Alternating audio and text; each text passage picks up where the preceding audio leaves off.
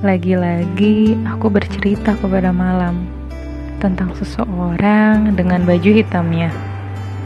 7832 ribu detik sudah aku menunggunya. Berharap Tuhan menjawab segala rincian doa. Ini memang belum seberapa. Masih ada miliaran detik lain yang harus kulalui. Bersabarlah. Andaikan ku dapat mengungkapkan perasaanku hingga